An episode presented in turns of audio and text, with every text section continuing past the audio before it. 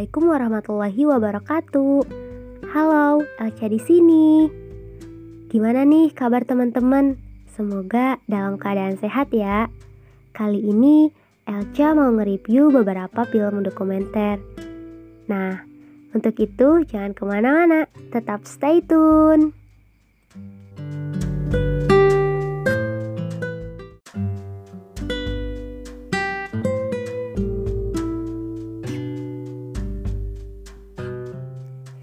Oke, langsung aja kita review film pertama yang berjudul Urban Seri 1 dengan hashtag nyampah yang diunggah oleh channel YouTube Greenpeace Indonesia.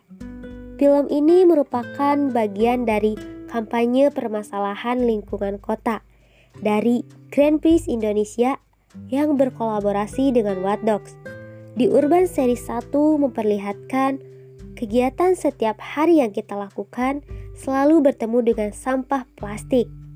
Mulai dari membeli air mineral, secangkir cup kopi, snack, hingga membeli bubur ayam di pagi hari.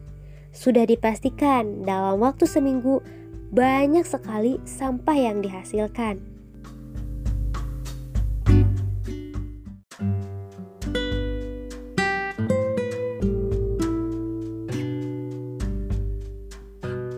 Gustika Yusuf sebagai host juga menemani kita menjelajahi tempat pembuangan sampah terakhir di Bantar Gebang, Bekasi. Menurut data, sampah yang masuk ke Bantar Gebang setiap harinya rata-rata sebesar 6.000 sampai 7.000 ton per hari. Nah, volume tersebut katanya nih setara dengan besar Candi Borobudur yang masuk ke Bantar Gebang setiap dua hari sekali.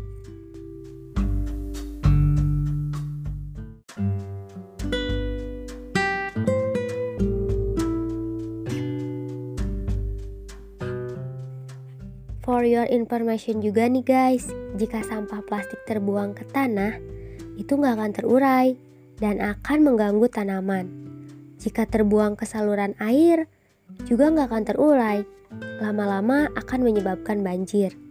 Jika sampah terbuang ke laut, juga nggak akan terurai, hanya akan menjadi mikroplastik, yaitu potongan-potongan kecil yang kurang dari 5 mm.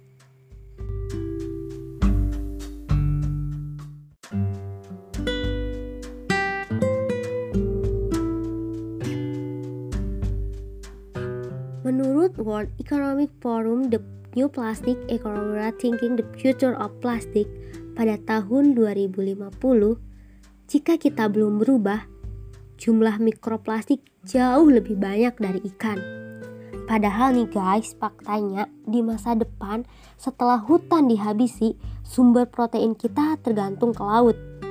Menurut Pajri Padilah, seorang pakar hukum lingkungan dari Indonesia Center of Environment Law atau ISEL mengatakan bahwa masalah sampah bukan hanya terjadi di kota berkembang atau urban. Bahkan bukan hanya di Pulau Jawa, tetapi di Sumatera juga sampah akan melebihi kapasitas. Dalam cuplikan juga ada so Alicia yang merupakan masyarakat urban yang sudah mulai hidup dengan minim sampah, bahkan sampai mengolah sampah organiknya sendiri loh menjadi pupuk kompos. Nah, dari cuplikan di atas mengajarkan bahwa kita harus mengubah gaya hidup kita dengan mengurangi sampah plastik dan perlu adanya kerjasama dari berbagai pihak.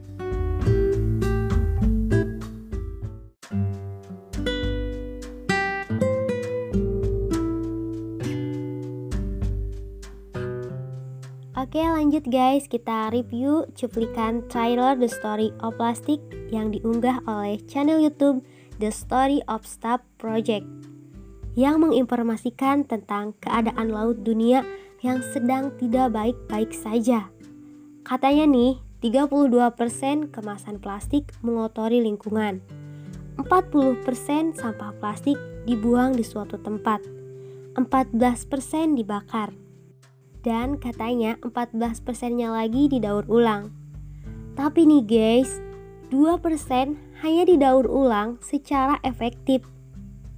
Di dalam cuplikan juga dikatakan, jujur ini sangat tidak masuk akal.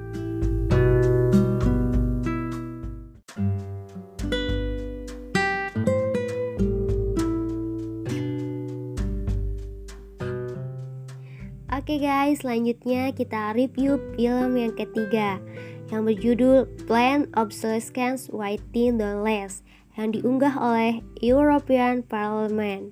Nah, cuplikan tersebut menginformasikan bahwa alat elektronik yang kebanyakan orang membeli baru akan rusak dan susah untuk diperbaiki. Dan juga ketinggalan zaman nih hingga akhirnya dibuang dan menghasilkan bertonton limbah yang tidak dapat didaur ulang. Nah, di Finlandia, pengusaha Jerman dan Belanda menelusuri untuk mencari solusi, yaitu dengan menciptakan perusahaan modulator agar alat elektronik yang rusak bisa diperbaiki lagi. Nah,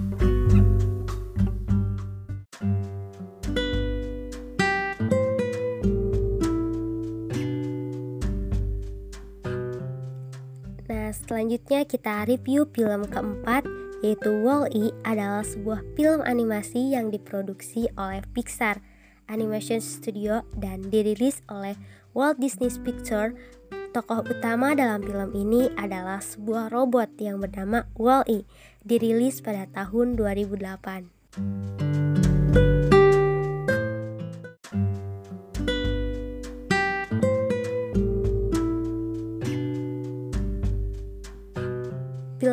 Bercerita tentang seorang robot yang bernama Wall-E yang dideprogram khusus untuk memadatkan sampah yang ada di bumi. Dahulu kala sekitar tahun 2110, bumi sudah tidak mungkin lagi dihuni oleh manusia karena sampah yang menggunung, badai besar yang selalu menghantam, dan juga cuaca yang makin tidak terkendali. Oleh sebab itu, perusahaan raksasa by and large yang menjadi pengusaha perekonomian dan juga politik pemerintahan berkoar akan menyelesaikan masalah dengan cara meninggalkan bumi untuk sementara waktu. Para manusia pun diangkut di sebuah kapal raksasa bernama Axiom dan tinggal dengan nyaman di sana. Sementara robot-robot buatan manusia seperti Wall-E dan teman-temannya dibiarkan tinggal di bumi untuk membersihkan sampah. Namun, setelah ratusan tahun berlalu dan ternyata sampah-sampah yang menjadi masalah, hengkangnya manusia keluar angkasa pun tidak dapat teratasi. Malah robot-robot yang lain tumbang dan mengalami kerusakan.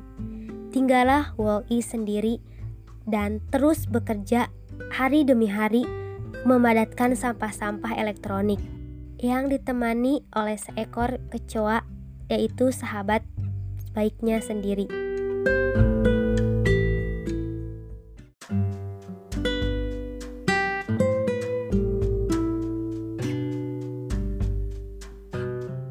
Ternyata ratusan tahun hidup di kapal luar angkasa yang serba modern fasilitasnya membuat manusia lupa diri dengan segala peralatan yang serba digital dan memanjakan manusia, bahkan lupa bagaimana cara berjalan. Tubuh-tubuh mereka semakin mengembung dan tidak sehat. Tak ada pekerjaan yang dapat dilakukan karena semua serba otomatis, jadi kerja manusia hanyalah sebatas makan dan istirahat. Sang kapten pun akhirnya memutuskan kembali ke bumi.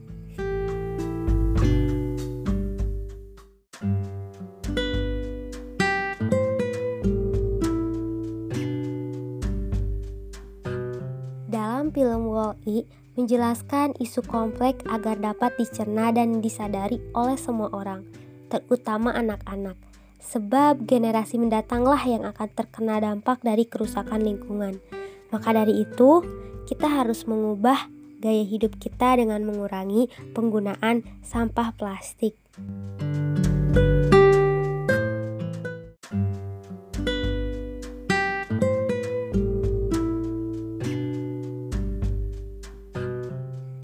Keterkaitan antara fiksi berjudul Wall-E dengan kondisi lingkungan dan budaya masyarakat Indonesia masih menjadi persoalan yang belum bisa sepenuhnya diatasi, yaitu sampah. Jumlah sampah plastik meningkat dari tahun ke tahun. Masih banyak masyarakat yang belum sadar untuk membuang sampah pada tempatnya. Dan sampai saat ini juga Indonesia belum menyediakan teknologi yang dapat mendaur ulang sampah secara efektif.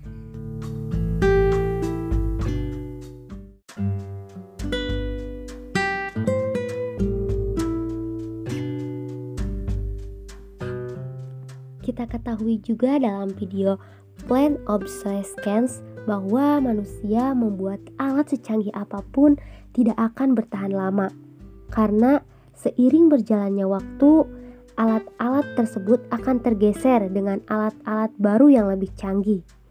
Nah, alat-alat yang lama akan menjadi sampah, kemudian mencemari lingkungan dan memakan banyak tempat di muka bumi.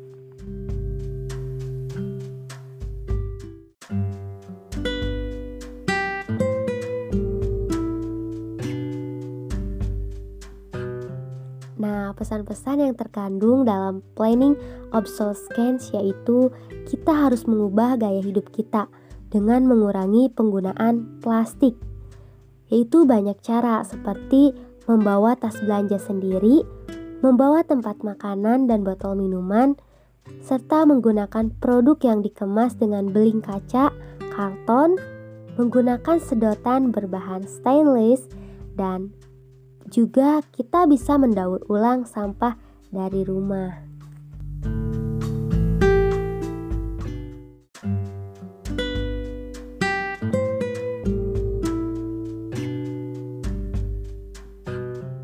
Cukup sekian podcast dari aku. Terima kasih untuk teman-teman yang udah mau mendengarkan dari awal sampai akhir. Kapan-kapan lagi. thank you